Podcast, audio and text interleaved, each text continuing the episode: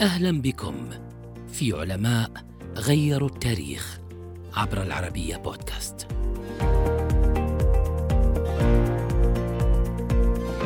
أنا السابق الهادي إلى ما أقوله إذا القول قبل القائلين مقول وما لكلام الناس فيما يريبني أصول ولا لقائليه وصول.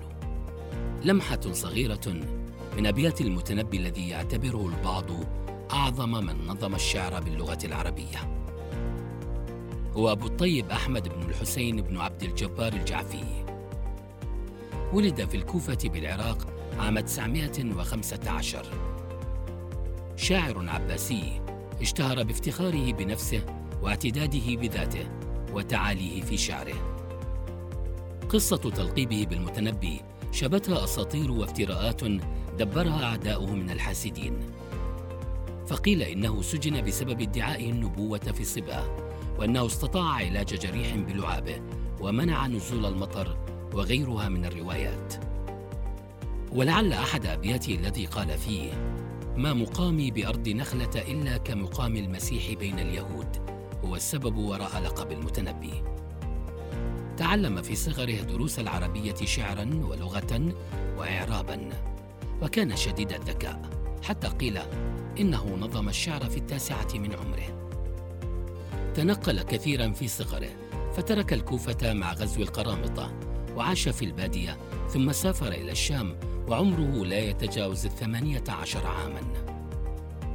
حظي بشعبية كبيرة بسبب موهبته الاستثنائية في الشعر حتى أن الأمراء والحكام رغبوا في مديحه.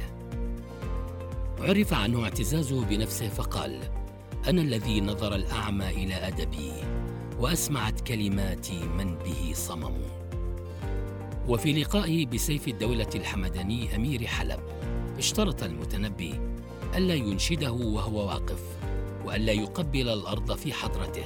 فوافق الأمير لتسطر بداية صداقة أثرت الشعر العربي بروائع مخلدة. امتدت علاقتهما ثمان سنوات كتب خلالها المتنبي 38 قصيدة أكثرها في مدح سيف الدولة وبعضها في تخليد بطولاته. بالغ سيف الدولة في إغداق المتنبي بالأموال والمكانة والمكافآت. قبل أن يستمع لحساد المتنبي ويضيق بتأخره في تنظيم قصائده. قال المتنبي أزل حسد الحساد عني بكبتهم أنت الذي صيرتهم لي حسدا. وقال مودعا له في أبياته الشهيرة ما لي أكتم حبا قد برى جسدي وتدعي حب سيف الدولة الأمم.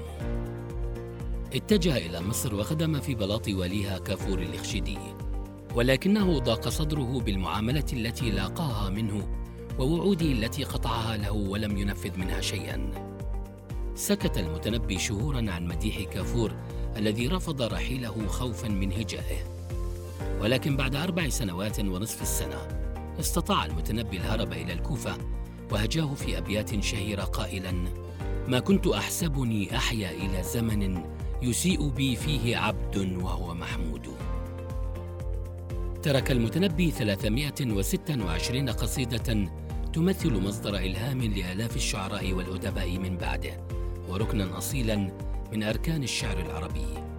ويحسب له عزوفه عن مسايرة شعراء عصره في اللهو والمجون ومعاقرة الخمر. كتبت نهاية المتنبي عام 965 عندما هاجم قاطع الطرق واللص ضب بن يزيد الأزدي في قصيدة له. وفي طريقه إلى الكوفة اعترض طريقه خال ضبة فاتك بن جهل الأزدي. ولما أراد الهرب قال له غلامه أتهرب وأنت القائل؟ الخيل والليل والبيداء تعرفني والسيف والرمح والقرطاس والقلم. ليعرف بعد ذلك بالبيت الذي قتل صاحبه.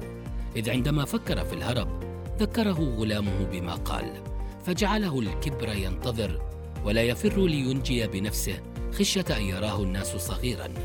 فقاتل حتى قتل هو وابنه وغلامه تاركا سيفه ورمحه وأعمالا ترجمت لأكثر من عشرين لغة حول العالم.